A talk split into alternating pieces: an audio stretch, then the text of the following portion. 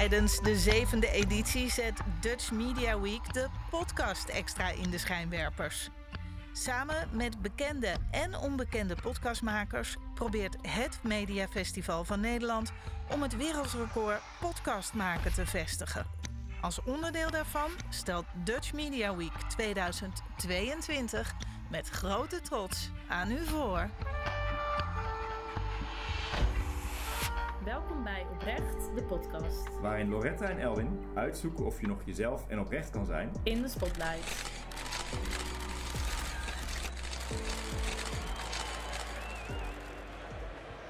Ja, welkom bij deze aflevering van Oprecht, de podcast. Ik ben Loretta. En ik ben Elwin. En in ons dagelijks leven werken wij achter de schermen bij heel veel mediaproducties. Wij zien daardoor regelmatig presentatoren, muzikanten, acteurs en ja, vele mediapersoonlijkheden het podium betreden. Het ene moment drinken we koffie met ze en zijn we lekker in gesprek. En het andere moment schieten ze eigenlijk in een rol als publiek persoon.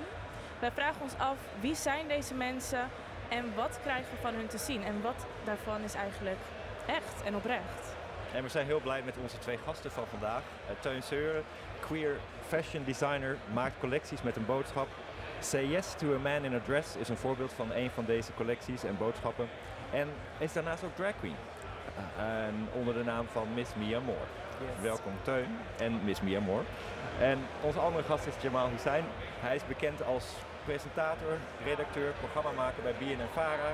Onder andere de programma's van Spuiten en Slikken en Try Before You Die en nog veel meer. Uh, daar gaan we het vandaag allemaal over hebben. Uh, ja, en we zitten hier in uh, beeld en geluid in Hilversum tijdens de Dutch Media Week. En dat is het mediafestival van Nederland. En um, we gaan dus vandaag het hebben over oprecht zijn. Nou, ik ging natuurlijk weer even googlen, want uh, dat doen we om achter alle definities uh, van het leven te komen. En um, ik zocht op het woord oprecht. Wat betekent dat eigenlijk? Daar stond oprecht is eerlijk en zonder andere bedoelingen dan je laat merken.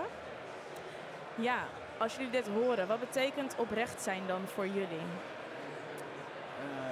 Ja, precies wat je net opnoemde, denk ik. Ja, het heeft een betekenis, toch? um, uh, ja, eerlijk zijn. Uh, Eerlijk zijn. Ja. En om het wat makkelijker te maken, in een schaal van 1 tot en met 10, hoe, op, hoe oprecht ben je? Um, ik denk een 8. Ik ben ook best wel direct. Dus ik denk dat ik soms misschien wel iets te direct ben. en jij, Teun? Ja, ik denk zelf ook wel dat ik heel erg uh, oprecht ben. Um, maar soms is het ook heel goed voor mezelf om even niet oprecht te zijn, om mezelf daarin te beschermen. Um, dus ik denk dan meer een 7. Een 7. Ja. Oké, okay. aan het eind van het gesprek, of aan het eind van dit uur, komen we hierop terug en kijken we of we nog steeds op hetzelfde cijfer zitten ja. of niet. Ja, en jullie staan beide regelmatig uh, in de spotlight, beide op een hele andere manier eigenlijk. Jamal, jij als presentator en Teun, eigenlijk staat jouw werk vaak in de spotlight. Ja. Um, jij noemt jezelf uh, queer fashion designer, Teun. Doe je dat uh, bewust, dat je queer daarbij benoemt? En mag ik vragen of jij dan ook identificeert als queer? Ja, dat doe ik heel bewust. Um, dat heeft ook uh, een proces gehad. Ik begon met mijn studie als fashion designer voor vrouwen. Um, tijdens mijn kunstacademie ben ik geshift van vrouwen naar mannenmode. Um, en eigenlijk sinds dat ik afgestudeerd ben, ben ik heel erg gaan onderzoeken naast mijn persoonlijkheid uh, wie ik ben. Um, in mijn werk ook gaan onderzoeken wat um, fashion voor mij eigenlijk betekent. En toen ben ik erachter gekomen dat eigenlijk mijn werk staat voor inclusiviteit en iedereen betrokken voelen. en voor mij vond ik dat woordje queer, uh, wat ook een soort van powerwoord is, vond ik heel goed erbij passen. Dus eigenlijk daarom heb ik ervoor gekozen om uh, als queer fashion designer um, daarin te staan. En, ja. en als ik je voornaamwoorden vraag, hoe zou welke zou jij gebruiken? Ik zelf uh, omschrijf me als hij, hen, um, of hij, hem en hij, hun, hen. Ik moet er zelf ook nog heel erg aan wennen. Um, maar sinds, denk ik, ander, een, een, jaar, anderhalf jaar geleden ben ik inderdaad voor mezelf erachter gekomen dat ik als nomineer in het leven sta. Um, merk ook nog steeds dat ik erover praat dat ik het ook spannend vind. Um, maar ik vind het heel belangrijk dat wij als mensen gewoon daarin moeten kunnen zijn wie we willen zijn. Um, maar daarom kies ik nog steeds wel voor de hij-hem voor, voornaamwoorden om mezelf ook de tijd te gunnen om daaraan te wennen. En voor de rest van de mensen ook de tijd te gunnen om ehm, daaraan te kunnen wennen. En, je zegt spannend, wat, wat, wat is er, waar zit de spanning bij jou? Ehm, ik denk vooral mijn onzekerheden over ehm, hoe ik gezien word. ehm, en hoe zeg maar altijd mijn mannelijke aanblik zeg maar een, een rol speelt. En dat dat voor mij dan altijd een soort van confusing kan zijn. Ehm, dus een beetje gewoon onzekerheid die erin speelt. En, en Jamal, bij jou, welke voornaamwoorden zou jij, gebruik jij? Eh, ik hij hem. Hij, hem. Ja. En dat is heel duidelijk en direct. Geen Ja, nee. spanningen, dit is gewoon... Ja, Ja. nee, ja. Lekker duidelijk inderdaad. Ja. Ja. En Teun, mag ik vragen, want je zegt, eh, je hebt het net over queer zijn. Dus zijn vast alsnog mensen die eh, ergens iets hebben gemist de afgelopen jaren en nog steeds denken, hè, wat? Waar Ja. heb je het over? Mag ik vragen of jij dat eh, ja, wil uitleggen wat dat betekent? Wat queer zijn betekent. Ja. Ehm, nou, queer zijn betekent eigenlijk. Queer komt afstandelijk van ehm, vroeger dat je dat werd gebruikt als een soort van protestwoord. Dat je omschrijft als queer zijn van ik sta eigenlijk eh, af van alle normativiteit die wij als eh, samenleving hebben opgebouwd. Ja. En daar zeggen we eigenlijk gewoon nee tegen. En dat wijzen wij af. En ehm, het komt ook eigenlijk als een soort van geuzenwoord. Want queer zijn wordt ook heel veel gebruikt als een scheldwoord vroeger. En we hebben dat eigenlijk als queer community hebben we dat meer embraced ehm, om zeg maar ons die power toe te eigenen. Ehm, We hebben het gekaapt. we hebben het gewoon gekaapt en we hebben het gewoon teruggepakt en ons eigen gemaakt. En juist iets heel positiefs ervan gemaakt. Van iets heel negatiefs. ehm, een heel krachtig positief iets gemaakt. En ehm, ja. ik denk dat dat gewoon heel tof is. En queer zijn is gewoon heel tof, heel leuk. Het is gewoon eigenlijk boundaries breken en gewoon jezelf kunnen zijn. Zonder stigma's, zonder ehm, regels van wat wij als maatschappij onszelf al hebben opgelegd. ja. En heb je dan ook het gevoel dat je meer jezelf kunt zijn nu je, nu je jezelf daar ja, als queer identificeert? Dat je Absoluut. zegt, het heeft echt geholpen Ja, met Ja. meer mezelf zijn, meer lekkerder in mijn vel zitten. ja, ja, zeker, zeker. Dus eh, echt sinds dat ik dat eh, voor mezelf heb durven te accepteren. Ehm, begon natuurlijk al met mijn gay zijn, ehm, maar nu moest ik een soort van tweede keer uitkomen om een non-binair zijn. En wat dus eigenlijk ook queer zijn is. Ehm, het geeft zoveel vrijheid dat het gewoon niks meer heeft, regels. eh, alles is een grijs gebied. En alles is opeens weer een nieuw speelveld. Dus het is heel lekker om daar gewoon in te experimenteren. Weet je wel, je kan alles dragen wat je wil. Ja. Ehm, je kan je haar verven zoals je wil. Je kan netnagels dragen. Ehm, dus ja, ik vind het heerlijk om daar gewoon heel erg mee te experimenteren. Ja, Dus het ja. voelt ook als thuiskomen. Gewoon eindelijk gewoon echt Ja. jezelf zijn. Ja. Zonder na te denken over, over hokjes waar andere mensen eigenlijk in stoppen. Ja, zeker. Nice. Ehm, over jouw werk gesproken. Ik heb heel eventjes jouw Insta-pagina erbij. Helemaal goed. En wij vinden het zelf amazing. Super kleurrijk ook. En ehm, ja, ik zou het zelf omschrijven als ja, groot, extra, Mhm. heel kleurrijk. En het zet je ook aan het denken. Tenminste, ik kan niet ernaar kijken en gewoon meteen wegkijken. Ik denk Ja. meteen, oké, wacht, waar kijk ik naar? Wat zie ik eigenlijk? Hoe zou jij je werk omschrijven? Oeh, dat is een goede vraag. Ehm, mijn werk, ja, heel theatraal. Ehm, eigenzinnig. Er zit altijd een randje van een grimmigheid in. Omdat dat ook wel altijd iets zegt over, die, over dat protest wat ik, wat ik al zei met queer zijn. Ehm, mijn werk staat altijd vol, eigenlijk vol liefde. Maar er zit altijd een, een, een sprankje grimmigheid in om toch te laten zien van er is nog steeds wel werk aan de winkel. En we zijn nog steeds niet in een, in een utopische wereld waarin alles mooi en beautiful is. Nee. Ehm, dus mijn werk, ja, theatraal met een, een, een grimmig randje, zeg ik altijd. Ja. En, en Jamal, we hebben jou aangekondigd als presentator, dat is wat je doet. Eh, Ja. Maar hoe zou jij jezelf, als we zeggen van, hoe zou je, omschrijf jezelf, hoe zou jij zelf aankondigen in een programma zoals dit bijvoorbeeld? Ehm, eh, hoe ik zelf ben? Of, of- nou, hoe je zelf zou, we- we- we- we- we- iedereen heeft van die rollen zeg maar, maar wat, en wij kunnen zeggen van, oh jij doet spuiten en slikken en mensen, oh spuiten en slikken, dat hebben ze Ja. al gelijk een beeld bij, try before you die. Maar als we zouden zeggen, we- we geven je alle ruimte, je- hoe zou je jezelf introduceren? Ehm, ja, meestal hou ik het daarom gewoon kort. En dan zeg ik, ik ben eh, Jamal Hussein, presentator en programmamaker. Ehm, maar als ik zou moeten zeggen van, hé, hey, dit doe ik een beetje, dan denk ik dat een mix is tussen vooral programma's over maatschappelijke thema's. ehm, en ook gewoon lol hebben. Ja, een beetje een mix daarvan. Nee, mooi. Oké, laten we eventjes teruggaan in de tijd. Ehm, jullie, hebben nu, jullie wandelen nu een heel mooi pad. Jullie hebben heel mooi werk volgens mij. Ehm, maar als je kijkt naar de kleine Jamal en de kleine Teun. Hoe waren jullie ja, als kind? Hoe gedroegen jullie? Hoe voelden jullie je? Hoe was het opgroeien? Jamal, als we bij jou beginnen. Ehm, een beetje dubbel, want ik was wel al eh, vroeg bezig met entertainment. Ik vond het altijd leuk om te dansen, grappen te maken. Eh, ik hield altijd van die shows in de speeltuin. Wij woonden eh, voor een speeltuin en dan ging dan voor de buurt ging dan, eh, een toneelstukje opvoeren. En dan ze proberen zo hard mogelijk te laten lachen. Ehm, maar aan de andere kant was ik ook wel eh, ehm, verlegen, denk ik, aan de ene kant. Omdat ik, ik was toen nog niet uit de kast. Ehm, dus ja, je verbergt dan toch wel een soort van deel van jezelf. om niet homo over te komen natuurlijk. Ehm, dus daarvoor, daardoor ben ik ook weer niet altijd mezelf geweest of zo. En, en hoe deed je dat dan? Dat niet als homo overkomen? Had je daar mechanismes voor? Of dat je dacht van, oh als ik dit doe, zelf bijvoorbeeld, ik, eh, ik vond altijd, ik dacht ik ga nooit met mijn benen over elkaar zitten. Ja. dan, dan, dan zullen mensen zien, oh dat is die homo. eh. Dat was bij mij. Dus daar heb ik soms nog dat ik mezelf nog steeds op de trap, als ik het doe, dan denk ik van, hmm, voel ik me hier wel comfortabel bij of niet? Eigenlijk heel bizar Ehm. dat je op zo'n jonge leeftijd al bewust bent van hoe, wat hoort zeg maar, volgens de norm en wanneer je buiten de boot valt. Nou, ik, heb, ik, ik wist het eigenlijk helemaal niet. Ik, ik, ehm, toen ik, ik weet nog dat ik echt in groep 3 zat of zo. En ja, toen wist ik het dacht, volgens mij al.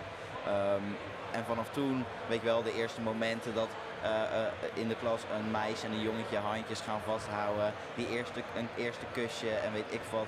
Nou, als dat of je ging elkaar leuk vinden. eh, als dat soort dingen zeg maar in mijn jeugd eh, kwamen, dan ging ik eerst gewoon altijd voor een jongen. Eh, totdat er natuurlijk vanuit ouders, leraren of weet ik veel wat tegen mij werd gezegd van hé, hey, dit is niet eh, wat normaal is of dit is niet de bedoeling. Ehm, dus eigenlijk vond ik mezelf juist heel normaal en ging ik op een gegeven moment als kind een soort van proces door dat je eigenlijk wordt aangeleerd dat wie jij bent, dat dat slecht is of zo. Dus eh, ik deed gewoon mijn ding en als dan iemand zei, oh dat is gay, dan dacht ik, oh, dan moet je dan voortaan niet meer doen, want dat is gay. Dus het is niet zo dat ik van tevoren al dacht van, oh, eh, dit is een lijstje met gay dingen, die doe ik niet. Het was een soort van, ik was gewoon mezelf. En Je werd steeds door, ja, door, ja, eigenlijk op je door het leven heen, zeg maar, werd Ja. je eigenlijk een soort van verteld van, oké, dit moet anders, dat moet anders, dit kan niet, zo ben je homo. Eh, ja, En lag het ook aan de omgeving, denk je, van waar je toen opgroeide? Want waar ben je opgegroeid? Eh, in Zeeland, ja, ik moet zeggen, kijk, het was natuurlijk een, een christelijk dorp. Sowieso al, eh, die hele omgeving is heel, heel gelovig. Eh, ik had zelf ook een, een, een, een, gezin waar dat minder eh, geaccepteerd werd, dan door mijn stiefvader bijvoorbeeld. Ehm, dus ja, er waren we, ja, ik denk gewoon mijn omgeving dat ik daardoor ehm, ehm, ja, eigenlijk eerst op jonge leeftijd heb geleerd dat het een soort van verkeerd was. En daarna dus weer op, eigenlijk in een zoektocht mo- terug moest gaan eh, naar dat het wel gewoon normaal is. Ehm, ja, Ja, ik had het erover met eh, Elwin al eerder. Van als je opgroeit ben je sowieso best wel zoekende en jezelf aan het uitvinden. Ja. Maar hoe oprecht ben je dan als je nog kind bent of als je jong bent überhaupt? Omdat je zo bewust bent van je rollen en je wordt zo erg steeds teruggewezen op wat hoort of niet hoort. Of ja, je wilt er graag bij horen bij in jouw omgeving. Dus het is eigenlijk heel ja, een moeilijke vraag denk ik om te bedenken. Ben je eigenlijk oprecht als, als kind zijnde? Of is dat nog niet vast te, vast te stellen? Zeg Ja, maar, ik, denk, ik denk op dat moment dat ik dat eh, probeerde te zijn, maar niet helemaal kon zijn. Eh, ik weet bijvoorbeeld nog eh, dat ik heel graag bijvoorbeeld iets van theater wou doen of iets met zingen, dansen, maar dat ik het maar niet heb gedaan. Omdat ik dacht van ja, dan, dan heeft iedereen door dat je homo bent. En daardoor heb ik eigenlijk ook bijvoorbeeld echt kansen voor mezelf ook bijvoorbeeld laten gaan. Ehm, dus ja, ik heb uiteindelijk natuurlijk wel een hele omweg moeten maken weer om uiteindelijk dan weer hier terecht te komen. Ja. Ehm, maar ja, nee, dat, dat, dat, ja, je kan niet volledig gaan voor wat jij wilt en zijn wie je bent. Ja, nou, je staat er wel. Dus het is fijn dat je in ieder geval, ondanks die Ja. omweg, bent waar je bent. Uh, Teun, hoe zat het bij jou in jouw jeugd? Ja, op zich wel best wel vergelijkbaar met, eh, met Jamal. Maar eh, voor mij was het meer, ik wist nog niet zo vroeg al dat ik, ja, onbewust waarschijnlijk wel.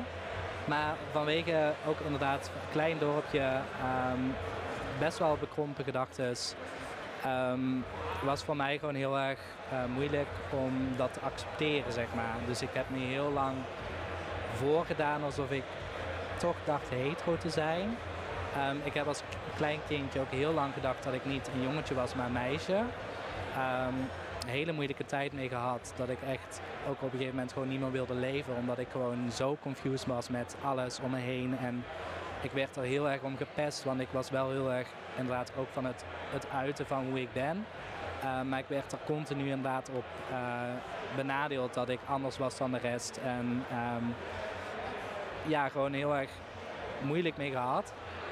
Ehm, Hoe oud was je toen je dacht dat je een meisje was? Welke dan leeftijd denk ik dat we spreken over een jaar of zes, zeven. Was echt nog basisschool. ehm, die tijd, zeg maar. Echt nog een heel klein kindje. Ehm, in ieder geval samen. Ja, echt heel jong. Ja. En trok je dan ook juist jurken aan? Ja, dat was inderdaad, toen ging ik inderdaad veel met, eh, had ik dan wel wat fijne plaatsen waar ik dat dan kon doen, want ik deed dat natuurlijk niet op straat, want dat was, mijn moeder die was dan wel heel erg beschermend erover van, ik vind het oké dat je dat doet en, en dat je jezelf daarin wil experimenteren en, en wil onderzoeken wat, wat, wat het is. Ehm, maar voor je eigen veiligheid eh hou dit wel zeg maar, in, in veilige ruimtes, zodat zeg maar, niet iedereen, eh klinkt dan heel, heel erg bekrompen, dat niet iedereen dat hoeft te zien. Ehm, maar het is natuurlijk gewoon uit een goed hart dat, dat gewoon een soort van bescherming naar mij toe. Dat ik niet ehm, benaderd werd op iets waar ik nog zelf mee aan het experimenteren was. Ja. Ehm, dus wel heel fijn dat mijn moeder daar de ruimte voor gaf. Dus ik ging heel vaak naar mijn tante toe. Die had verkleedkisten. Ik kom uit Limburg, dus daar was carnaval. Ehm, dus ik was altijd de zigeunerin met, eh, met de rokjes en de, en de pailletten en de veren en de, Yes alles. girl. Ja, precies, weet je. Met de, de ha- hakken van mijn tante die veel te groot waren. En dan kwam ik naar beneden gedarteld. En eh, mijn broer was dan altijd de prins. En ik was ja, of het Dans Marietje of het, eh, of het eh, ja, altijd het vrouwelijke figuur zeg maar daarnaast. Ehm, dus ja, daarin heb ik wel heel veel fijne momenten gehad. Ik was ook heel veel bezig met altijd met poppen kleren, weet je wel, met Barbie poppen spelen. Maar dat deed ik dan weer met vriendinnen die heel erg ehm, ja, gewoon heel trouw naar me waren en die ook gewoon dat niet zouden doorgaan vertellen op school of wat dan ook. Dus eh, ik had daar wel gelukkig heel erg mijn, mijn veilige plek in. En, Ja. en, en wat betekent dan Even niet doorvertellen? Het is toch een soort geheim dan? Of Ja. wat, als kind, wat, wat, wat van je moeder zegt van je ga je gang, maar toch denk je... Ja, het was heel dubbel, want ik wilde natuurlijk gewoon het liefste ook gewoon met iedereen in de zandbak met de Barbiepoppen meespelen. Ehm, maar het was gewoon, ja, voor mij heel lastig om dan, of ja, ik werd er gewoon soort van op een negatieve manier door beschermd in mijn gevoel die, die tijd. Maar nu ben ik er denk ik wel heel erg dankbaar voor, want ik had al best wel een zware jeugd. En als ik dit dan ook nog allemaal erbij open en bloot zou stellen Ja. aan, aan de wereld in de tijd waar we toen in leefden, denk ik dat het gewoon heel nog wel zwaarder zou zijn geweest. Eh, dus ik ben eigenlijk best wel blij dat ik daarin een soort van beschermd ben geweest. Dus dat is weer een beetje dat oprecht zijn, maar dan soms mezelf terughouden om ehm, net wat veiliger door het leven te kunnen gaan. Ja, ik snap helemaal wat je zegt, maar toch vind ik het dan eigenlijk echt verschrikkelijk dat het dan fijn is geweest om beschermd te zijn geweest. Dus niet volledig jezelf te zijn geweest in die tijden. Ja, Toch? Het is eigenlijk gewoon, ja, ja, Ja. bizar. is heel bizar. Maar Ja, dat- en het ja. feit ook dat het gaat om, om met Barbie spelen en dat soort dingen. Dat je denkt, een kind hoort toch gewoon normaal te kunnen spelen. Ja. Ja. Maakt toch niet uit met wat. En ja, Ja. dat, Ja. ja. En dat heb ik ook wel gedaan. Dus niet dat ik het niet heb kunnen doen, Ja. maar gewoon net even in een, be- een beperktere ja. zin. Nee, ik, ik snap het van Ja. jou volledig. Ik, Ja. ik bedoel meer van, het is Maar toch eigenlijk te absurd voor Te woorden absurd, ja. dat kinderen in deze wereld gewoon niet eens normaal met speelgoed kunnen spelen. En, en daar gewoon een heel geheim van moeten maken, Ja, zeg maar. ja, ja, ja dat, is, dat is ook nog steeds iets waar ik nog steeds niet bij mijn hoofd, met mijn hoofd bij kan inderdaad. Dat, dat, Nee. Gelukkig gaat het nu waarschijnlijk wel iets beter.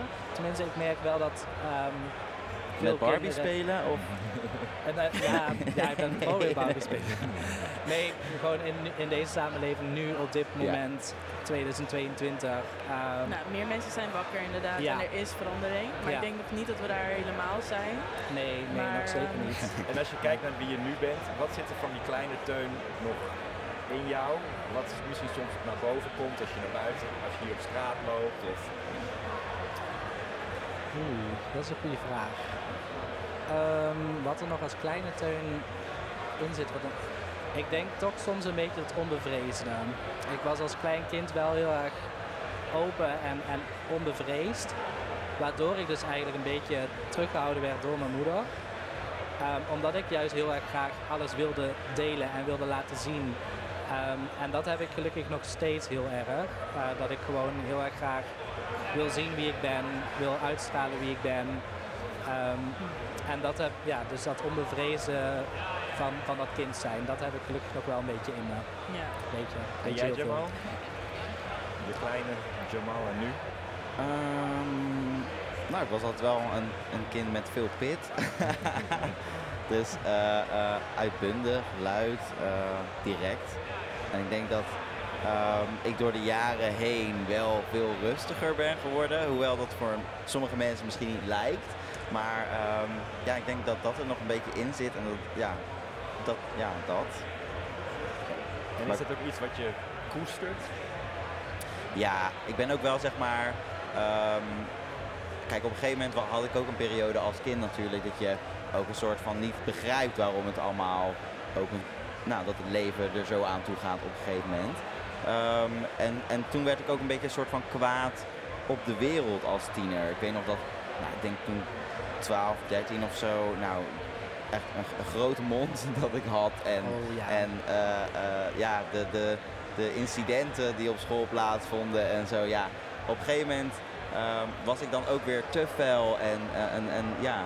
En nu heb ik, nou, sinds mijn 16 of zo, rond die leeftijd begon ik ook wel te beseffen van, oké, ehm, dit is dan ook weer, weer niet de manier, zeg maar, dit is het andere uiterste. Dus probeer daar gewoon een middenweg in te zoeken. Omdat je Eh, zo luid was. Ehm, ja, ja. Ik, ja, op een gegeven moment. Het, het voelde een beetje zeg maar alsof alles de hele tijd maar op mij gericht werd. Weet je wel, ik deed keihard mijn best, maar toch kon je niet zijn wie je was. Eh, ik werd ook benadeeld om wie ik was. Ehm, dus op een gegeven moment krijg je dan een beetje een soort van, oh, alles en iedereen haat mij of zo. Dus weet je, eh, bij de eerstvolgende die mij iets flikt, dan ga ik er ook gewoon twee keer zo hard tegenin. Ehm, en dat was dan de manier hoe ik er op een gegeven moment inging. En ehm, ja, op een gegeven moment denk je ook, ja, ik krijg hier alleen maar problemen van. dit, gaat alleen, dit gaat alleen maar van kwaad tot erger. Eh, dus probeer ook de volwassene te zijn in dat soort situaties. Ja. En daarin heb ik op een gegeven moment gewoon een middenweg gevonden van... ehm, je mag nog steeds direct zijn, je mag nog steeds gewoon zijn wie je bent. Eh, als je mening duidelijk is, nou, dan, dan moet je die gewoon geven. Ehm, ja, maar wees niet te heftig. Ja. je zegt benadeeld, eh, kan je daar een voorbeeld van geven hoe je benadeeld werd? Ehm, nou, gewoon überhaupt. Het, als ik tel hoe vaak ik bijvoorbeeld ben aangehouden of eh, dat, een, dat de politie aan de deur kwam als kind, terwijl ik helemaal niks had gedaan. Daarvan dacht ik wel van, ja, op een gegeven moment kom je in dat soort situaties terecht. Dat je dan, eh, weet je wel, dan zit je in de klas, iedereen praat, jij bent dan degene die eruit wordt gepikt. En op een gegeven moment komt de combinatie daarvan. Eh, ik kom ook uit een gezin, eh, een arm gezin, dus we hadden ook weinig geld vroeger. Dus eigenlijk was het een soort van probleem op probleem op probleem. En ik zat eigenlijk de hele tijd in een situatie als kind van, hé, hey, waarom overkomt dit mij? En ik heb er eigenlijk niet echt controle op dat dit gebeurt. Eh, want ik kan er zelf niet echt iets aan doen. Ehm, dus ik denk dat ik daar, daarom gewoon heel oneerlijk begon te vinden. Ja. En Teun, jij zei net een ja. Herken je dat, dat je ook heel erg Ja. ging uiten? Ja, inderdaad. Dat kwam bij mij heel erg toen ik zelf dus ehm erachter kwam, ja, ik wist het al heel lang, maar uiteindelijk toegaf aan mezelf dat ik inderdaad op jongens viel. Ehm, toen kwam ook voor mij een soort van opstand. Want toen was het voor mij heel duidelijk van oké, dit, is wie, dit is wie ik ben. Ehm, en jullie kunnen me hebben zoals ik ben. En als jullie dit niet accepteren, dan krijg je de wind van voren. Ehm, en toen was ik inderdaad echt een pittig, pittig persoontje om, uh, om mee uh, om te gaan. Want ja, ik kwam ook gewoon heel direct uit um, midden op de middelbare school, halverwege leerjaar 2 volgens mij. Ja, toen had natuurlijk de hele school de pik op mij, want ik was de enige waarschijnlijk, nee, een van de twee uh, homoseksuelen op, op de middelbare school. De andere homoseksueel hield zich altijd heel stil en was gewoon zichzelf. En ik was heel erg open en ik deed waar ik zin in had en ik liet gewoon heel erg merken dat ik, ja, dat ik gay was. Um, en dat vonden heel veel mensen dus gewoon niet chill. Um, wat ook gewoon raar is. Ik bedoel, laat me lekker mijn ding doen. Ja. Um, maar toen zat ik ook nog eens op een elektrotechniek uh, opleiding. dus ik zat tussen oh, de... nee. Elektrotechniek? Oh, ja, ik wow. heb elektrotechniek gedaan. Ook omdat ik gewoon mee wilde lopen. Is dit echt een domme vraag? Wat, wat is elektrotechniek? Wat is als, op, als elektrotechniek? opleiding bedoel ik. Wat doe je dan?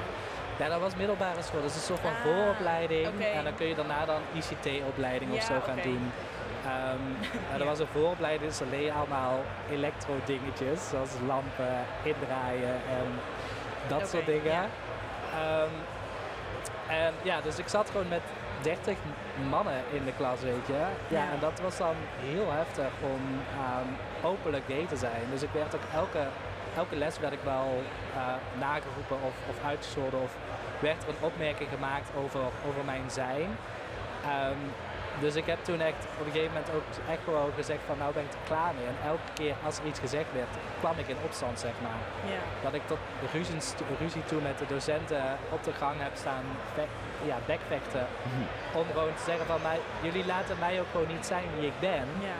En jullie nemen het op voor die mensen die mij pesten, daar nemen jullie het voor op. Ja. En jullie zetten mij de klas uit omdat ik sta voor wie ik ben en voor mijn rechten.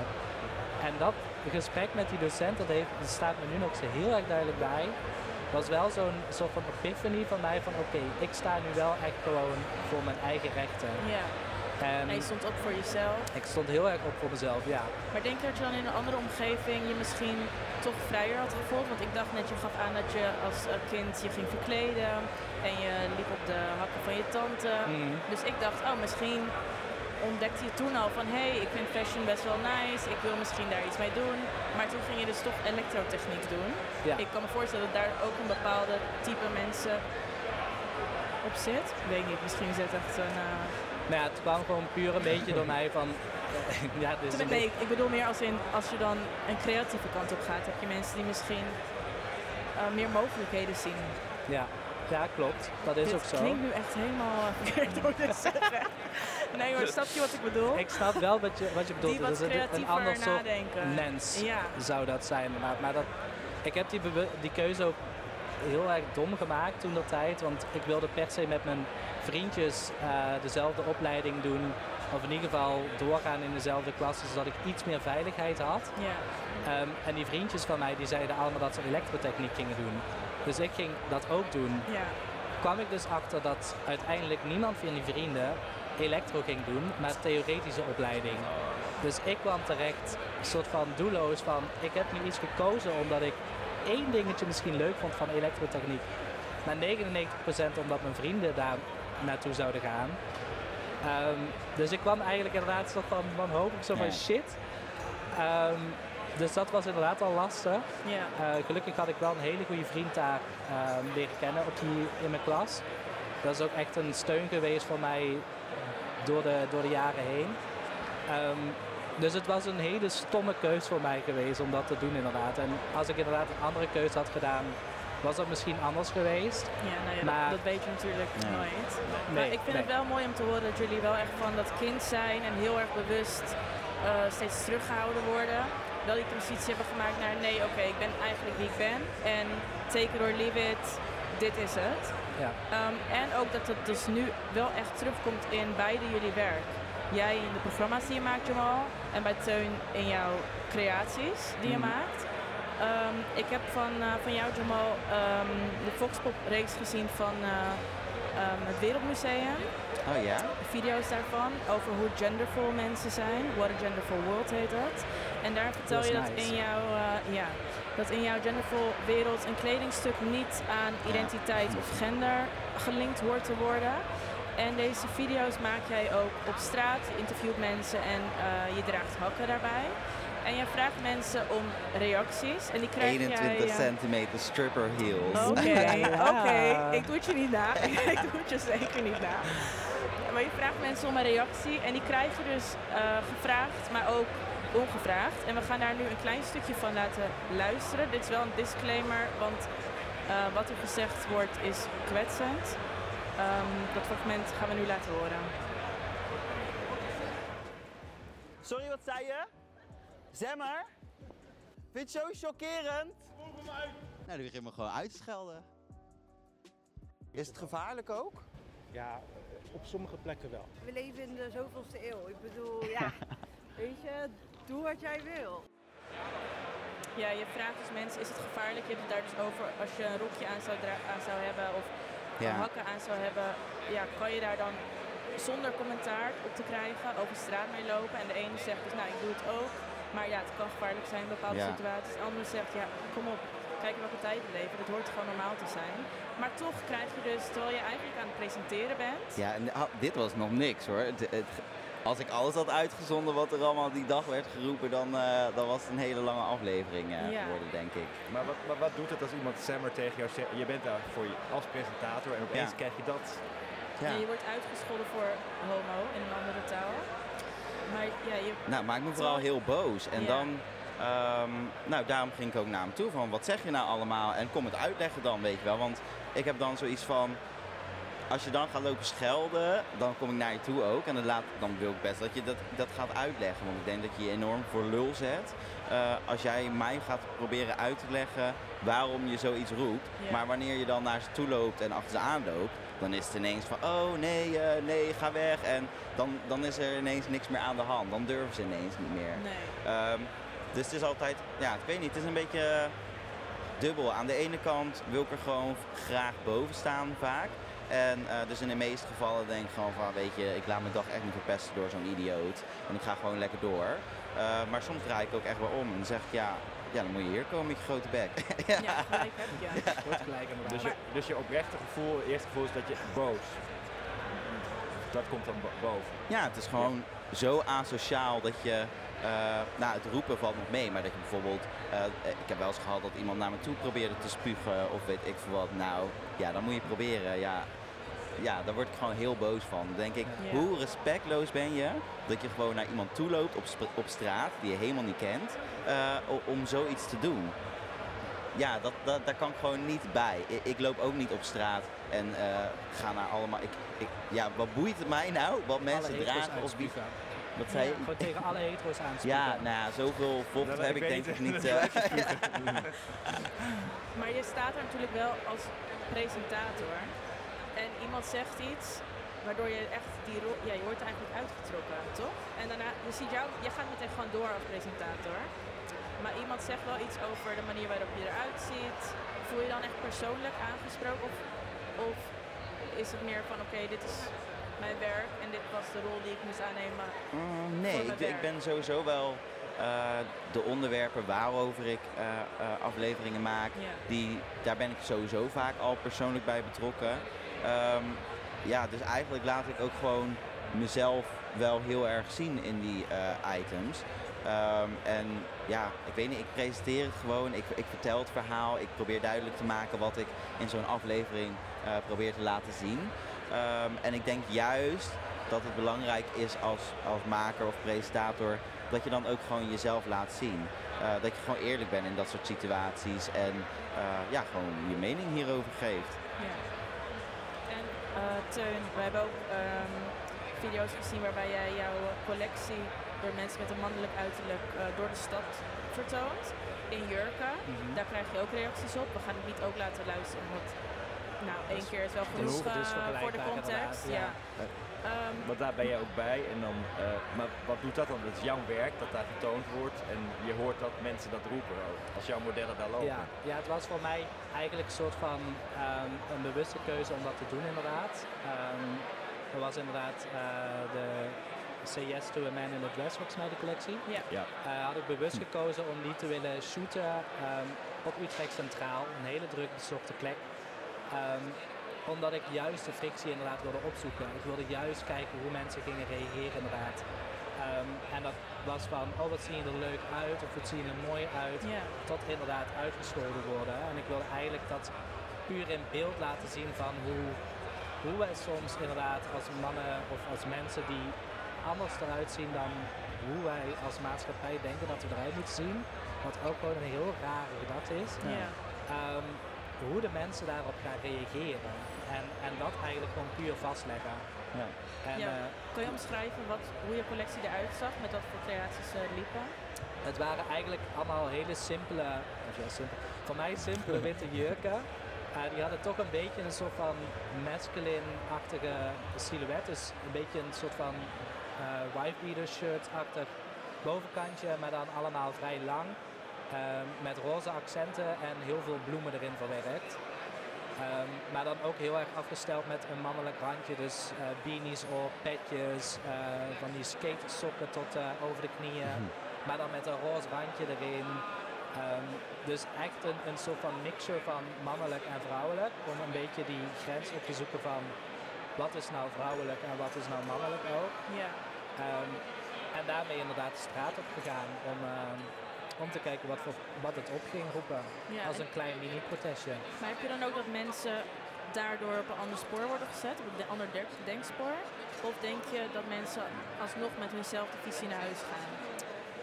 Ehm, dat ligt er denk ik aan of we in, ge- in gesprek zijn gegaan. Ik denk mensen die ons uitgescholden hebben, waar ik niet eh, op gereageerd heb, zullen waarschijnlijk niks, niks qua gedachten veranderd hebben. Maar ik ben ook met mensen in gesprek gegaan, omdat we de hele dag daar aan het shooten waren. Ja. En mensen kwamen toch naar me toe omdat ze zagen dat ik eh, de designer was, dat ik mensen aan het kleden waren. Die gingen gesprekken met me aan, van wat gebeurt hier, wat ben je aan het doen. Dan ben ik dingen gaan uitleggen over het concept, over wat ik eigenlijk wilde laten zien en wat ik wil eigenlijk doen. Ja. En die mensen heb ik wel zeg maar laten denk- nadenken over, over deze situatie. Ja. Maar het is toch ook best wel een protest ook voor de mensen, denk ik, eh, eh, die de, waar je misschien niet mee hebt gepraat. Daaraan laat je natuurlijk wel weer zien van wij zijn er, of je het Ja. nou wilt of niet. Eh, dus aan de ene kant bereik je die mensen ook wel op een of andere manier door het, ja, door het hen gewoon Door voor te te leggen zijn, van ja, ja. wij gaan niet ergens eh, eh, zitten schuilen voor jou Door of iets. inderdaad gewoon visible te zijn, Ja. inderdaad, te laten Ja, zien dat we er gewoon zijn. Ja. absoluut. Soms moeten mensen het ook gewoon heel vaak zien om het in hun systeem te krijgen, zeg maar. Ja. Ja. Maar eh, Jamal, jij wordt dus soms eh, aangesproken als presentator, als persoon die daar staat. Bij jou gaat het om het werk van jou, wat daar rondloopt en Ja. waar je dus commentaar krijgt. Va- Vat, vat je dat dan alsnog, of alsnog, vat je dat dan persoonlijk op als daar dus commentaar op komt? Want het is Absoluut. niet op jou als persoon, maar het is wel iets wat, heb jij, wat jij hebt gemaakt met een bepaalde gedachte erachter, vanuit een bepaalde ervaring misschien. Ja, het is, eh, ik, ik vat het alsnog gewoon heel persoonlijk op, want al mijn werk wat ik maak is gewoon heel persoonlijk. En ik denk dat het net zoals bij Jamal is, dat dat, je, je, het is wel mijn werk, maar ehm, ik doe mijn werk omdat ik het heel persoonlijk wil maken. Ja. En al mijn werk komt vanuit mijn, mijzelf en wat ik ervaar en wat ik meemaak. Ehm, dus tuurlijk trek ik me dat heel erg aan, omdat ik gewoon weet van, it could be me there op dat Utrecht Centraal. En dan alleen, weet je. Nu waren Ja. het zeven mannen die daar stonden, maar als ik daar in een, in een jurkje rondloop, kan ik ook gewoon uitgescholden worden. En misschien nog wel meer. En in een zekere zin is alles wat daar staat dan een deel van jouw gedachtegang en een deel van, eh, ja, Ja. oké. En als we nu een stap maken naar het werkveld, zeg maar. Als, eh, Jamal is presentator. Eh, tv is toch ook wel een eh, business waar je nou, hard moet werken als je de top wil bereiken. Ja. Ehm, merk je dat je wel jezelf kan zijn in, het, in het, wat je nu doet? Nee, ja, nee. Ik, ehm, nee, daar, ja, dat, dat, dat heeft me ook wel verrast. Want ik dacht eerst ook wel van, als je in de mediawereld komt werken, dan, dan is juist de bedoeling dat je lekker jezelf gaat zijn. Ehm, Maar ik heb verrassend vaak kom ik nog situaties tegen ehm, waarbij ik dacht van nee, dit, dit hoort niet. Dus ehm, ik werk inderdaad ontzettend hard eh, om in ieder geval te kunnen maken wat ik wil maken. Eh, maar daarnaast strijd ik ook gewoon natuurlijk achter de schermen ehm, om toch ook te zorgen dat, eh, nou, dat ook achter de schermen allemaal inclusief is. Weet je wel dat ik, ik bedoel, ik heb best wel eens te horen gekregen, heb ik nog een keertje over gepost ook. Ehm, van eh, wil je dit interview minder homo doen? Ehm, of we kunnen niet werken met mensen met jouw haar. Eh, of, nou, en nog erger gevallen, maar dat zal ik allemaal besparen. Ehm, maar dan, Maar als iemand dat gelijk tegen jou zegt, dan we kijken je item terug, je hebt een straat gedraaid. Hé, hey, Ja. maar volgende keer even wat minder met die handen, je stem. Ja. Oh, niet die, hoor. Ik- nee, ik maar, moet maar, het- nee, nee, maar, nee, maar, nee, maar als iemand dat, dat tegen jou zegt, het is Ja. iets wat jij, wie jij bent. Ja, nee, ik moet, ja, nee dat, ik moet ook zeggen dat ik dat in, eh, in de laatste jaren dat ik aan het werk ben, daar ben ik daar gewoon heel duidelijk in. Ik bedoel, eh, je, als je mij wil als presentator, dan krijg je gewoon mij en Ja. that's it. Ehm, maar ik moet zeggen, ja, toen, op begin, dan ben je nog een jonge maker. Je, je krijgt eindelijk grote kansen. Ehm, dan wordt zoiets tegen je gezegd en ehm, ja, dan denk je op het begin nog van ja, moet ik hier iets van zeggen? Ehm, dit is wel mijn werkgever. Eh, misschien gaan ze mij als een moeilijk persoon zien of iets. En dat heb ik toen in de hele tijd dacht ik van, nou weet je, ik ga hier niks over zeggen. Maar op een gegeven moment heb ik dat wel gedaan. Ja, en toen zag ik ook inderdaad van ja, ja soms gaan ze je dan wel als moeilijk zien. eh, eh, of je krijgt gezeur op de werkvloer ermee. Ehm, en dat vind ik juist interessant. Eh, omdat ik denk van ja, ik vind het helemaal niet erg dat het allemaal schuurt en dat, er, dat het overhoop wordt gehaald. Ja, ik het mag best ongemakkelijk af en toe zijn. ja, precies. ja. Als er dingen gebeuren waar ik niet achter sta, dan, dan zeg ik dat gewoon. Ehm, en als je daar dan zo ja, op een verkeerde manier op gaat reageren, dan denk ik dat je, je- nou, dat je jezelf vooral als, eh, als, als werkgever of programma moet schamen. Ja. nou gelijk heb je. Maar hoe zie je dat dan ook bij, ehm, bij collega's? Want wij werken dus bij, aan verschillende producties, dus wij zien veel mensen achter de schermen. Ja. Ehm, dus wij kennen die mensen niet persoonlijk. Soms komen ze alleen eventjes hun werk doen en daarna gaan Ja. ze weer weg. Soms hebben we hele openhartige gesprekken, maar we kunnen niet per se oordelen of deze mensen echt oprecht zijn Ja. of niet. Want ja, we zien zeg maar heel kort. Maar ja, als jij direct met mensen werkt die daarna ook op het podium gaan, zie je dat duidelijk verschil bij bepaalde mensen dat je denkt, nee, deze die faked het ook gewoon en is niet Eh, helemaal je bedoelt qua presentatoren? Ja, qua, qua maker, zeg maar, eh, met nou, mensen met wie je werkt. Ik denk zeg maar van de mensen, ehm, eh, ja, dat, dat, dat is zo verschillend. Ik denk, voordat ik, hier, voordat ik in de media zelf ging werken, had ik altijd een beeld van eh, sommige mensen van, ah, die zijn heel vet en lijken me heel gezellig. En had ik ook een vooroordeel over mensen waarvan ik dacht, oh, dat zullen echt verschrikkelijke mensen zijn in het echt. En ja, dan kwam ik wel eens eh, bij shows of werkte ik samen met mensen. En eh, ja, dat, dat, dat viel toch wel bleek eigenlijk een beetje het soort van tegenovergestelde te zijn. Heel veel mensen komen wel anders over. eh, maar ik moet zeggen, er is ook gewoon een groot deel dat oprecht zijn werk doet natuurlijk. Die daar heel goed in zijn, ja. ja. Ja. En, Teun in de modewereld, we zien wel eens documentaires over de grote namen bij de modehuizen. Eh, Mhm. het lijkt me ook, wat ik dan zie, lijkt me geen makkelijke wereld, ook een harde wereld. Hoe, hoe ervaar jij de modewereld? Ehm, ja, goede vraag. Eh, ik denk dat ik me daar ook een beetje van afzette, of zet. Ehm, omdat, het, ja, omdat het een hele heftige wereld is. Ehm, ook met heel veel eh, rare stigma's en rare maatstaven aan, waaraan we moeten voldoen. Ehm, Ik bedoel dat we nu eindelijk bijvoorbeeld een plus-size model op de catwalk zien.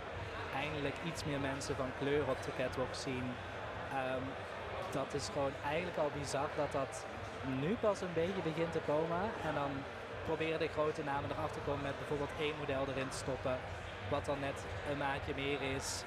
Ehm, en een, iemand van een, van een andere etniciteit. En, en dat zijn dan twee modellen en dan noemen ze het inclusief. Eh, dus ik probeer me er zelf ook niet heel Ja. erg mee bezig te houden om Ja. ehm, me te, te, te meten aan, aan dat soort namen. En daarom denk ik ook dat ik bewust met die queer designer naam kom. Omdat ik me dan eigenlijk in een nieuwe categorie zet van, van de modewereld. En ehm, ook een beetje dat los probeer te laten van wat mode eigenlijk is. Ja. Ehm, en meer gewoon een soort van studio-achtige vibe te creëren voor mezelf. Dat ik gewoon lekker mijn ding kan doen, eh, lekker mijn klanten krijg die gewoon van alle, alle kanten, elke kleur, elke maat, alles is bij mij welkom. Ja. Ehm, En daarin gewoon heel erg inclusief eh, wil werken en, en niet eigenlijk kijkt naar maatstaven wat de modewereld zeg maar cre- creëert. En Ja. eh, jij hebt nu heel erg je eigen, je eigen wereld, zeg maar. Je eigen, maar was het in het begin zoals bij Jamal, die dan tegen dingen aanloopt? Je begint net, je denkt van, oh, ik moet... Het mode en tv is weer natuurlijk heel anders. eh, Maar Ja, ik denk tuurlijk, allebei wel ja. heel heftig. Ja, het is natuurlijk, bij mij heeft dat ook moeten ontstaan. Ik bedoel, toen ik begon met eh, de opleiding eh, kunstacademie, ehm, toen begon ik heel strikt met mannen. Ehm, en toen ik afstudeerde, toen kwamen er op een gegeven moment ook vrouwen in de collecties. Ehm, en toen ben ik bij mezelf gaan afvragen van, maar oké, je hebt nu vrouwen en je hebt mannen, en je hebt mensen van kleur en alles daartussenin. Maar ik miste eigenlijk ook nog de diversiteit in, in size van de, van de mensen. Ehm, dus ik ben daar zelf ook nog steeds heel erg lerende in. En ik ben er ook heel erg oprecht naar mezelf toe dat ik nog steeds ook wel werk aan de winkel heb. Als ik kijk naar mijn collecties, dat, in- dat mijn inclusiviteit ook steeds meer, nog steeds meer mag zijn. Ehm, nou ben ik een beetje de vraag vergeten eigenlijk. Nee, nee, dat is meer van misschien heb je ook situaties meegemaakt waarin mensen bijvoorbeeld zeggen we willen wel graag met jou een collaboration doen, maar je moet je toch een beetje aanpassen aan wat wij. Nee, ik denk, denk dat ik daar niet heel veel last van heb gehad. Puur omdat ik eigenlijk heel snel gewoon die mark heb gezet van ik ben een queer designer. Ehm, En you take me or you leave me als ik Ja. hoe jij wil. Eh, en ik heb eigenlijk alleen maar opdrachten gehad die me juist daarom eh, beamen, zeg maar. Om, Ja. om mijn openheid, om mijn diversiteit in mijn werk wat ik doe. Ja. En ik denk dat ik gewoon onbewust de rest van de opdrachten genegeerd heb. Gelijk heb je. Je Ja. hebt helemaal gelijk. Zitten er ook bij jullie dan ehm, in de omgeving dat jullie denken, nou deze persoon inspireert me, eh, dit is echt iemand waar ik tegenop kijk en deze kant wil ik op of deze karaktereigenschappen zou ik willen hebben in het werkveld waarin jullie zitten of in een ander werkveld kan ook natuurlijk. Hmm. Ik heb sowieso wel heel veel inspiratiebronnen, mensen die me inspireren, motiveren. Eh, maar dat is eigenlijk van alle soorten werk, werkvlakken. Ehm, dat is ja, voor mij heel persoonlijk. Mensen die iets moois doen. Eh, bijvoorbeeld EDURS is een heel groot, echt een muze voor mij. Ehm, is gewoon super uniek in hoe die is. Eh, draagt zijn hakken op straat. Ja. Ehm, heeft fabulous krullen. Geweldig. Echt. Ja, dat soort mensen die inspireren mij gewoon omdat ze puur hunzelf zijn. Ongeacht wat, wat de wereld van hun vindt. Ja.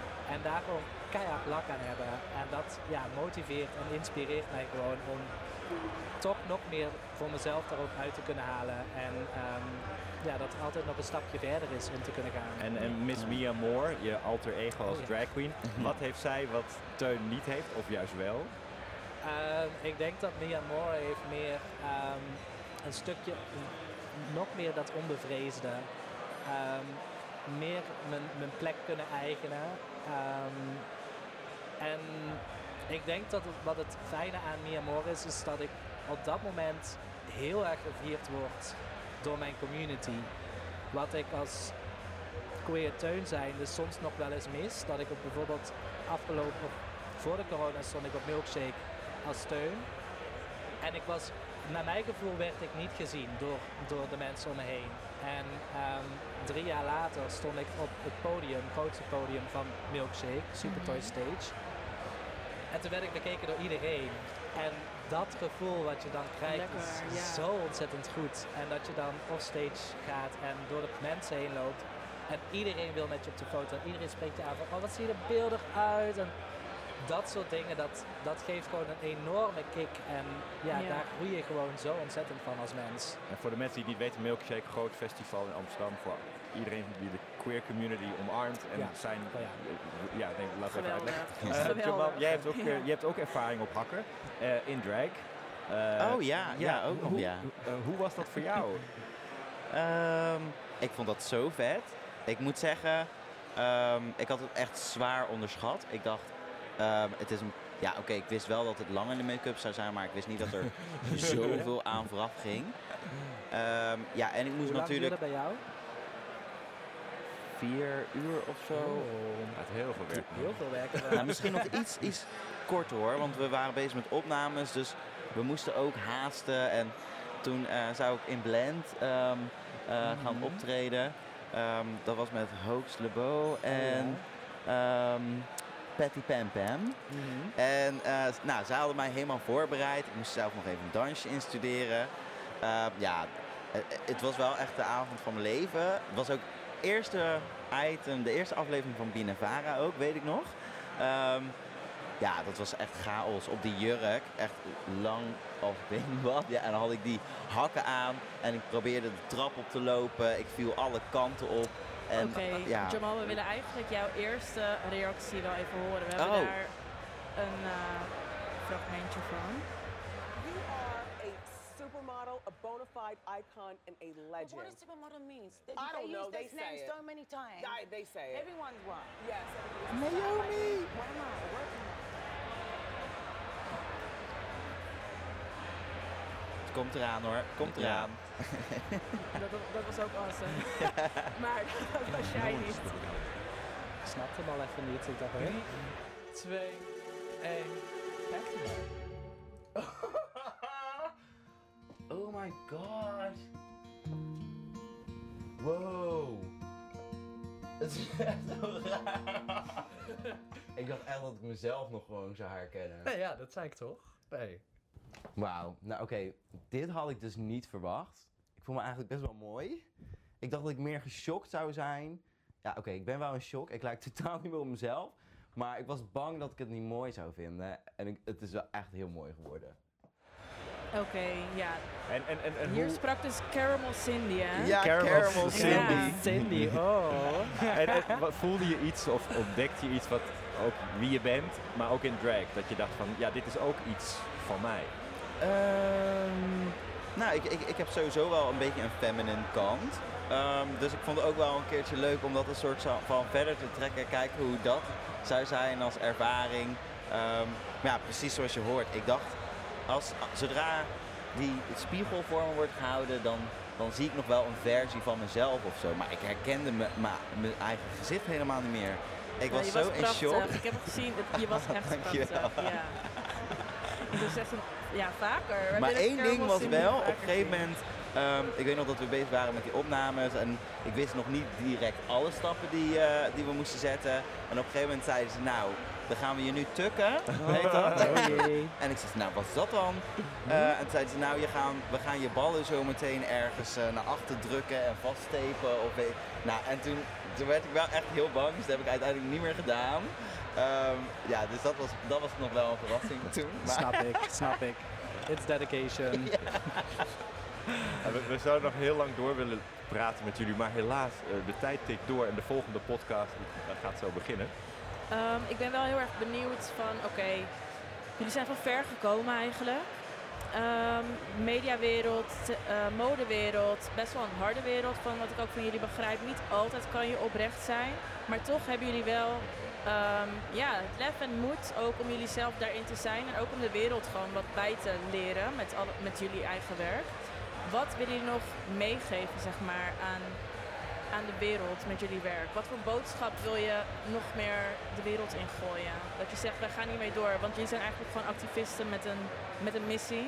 Beide worden jullie eh, gedreven door onrecht, volgens mij. Door, ja, door juist die reacties die je krijgt. Ik denk een beetje, een beetje overal wat we net ook al bespra- bespraken. Of je nou van kleur bent, eh, eh, een, een extra maatje, eh, wat voor seksualiteit, gender, maakt niet uit wat. Just be yourself, want ooit op een dag kom je erachter dat je spijt hebt dat je zo lang eh, je tijd hebt eh, eh, verdaan eigenlijk eh, voor mensen die er eigenlijk niet heel veel toe doen in jouw leven. Ja. Dus wees gewoon lekker jezelf en ja, heel heb simpel respect maar voor ja. elkaar. Dat zeg ik altijd. Dat is altijd een heel groot deel in mijn collectie. Is altijd respect hebben voor elkaar. En Ja.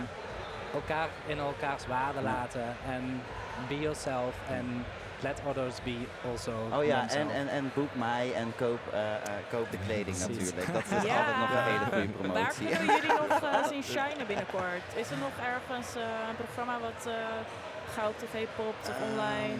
Nou, wat, wat ik, oh, waar ik nog allemaal mee bezig ben, dat, dat, dat kan ik nog niet zeggen.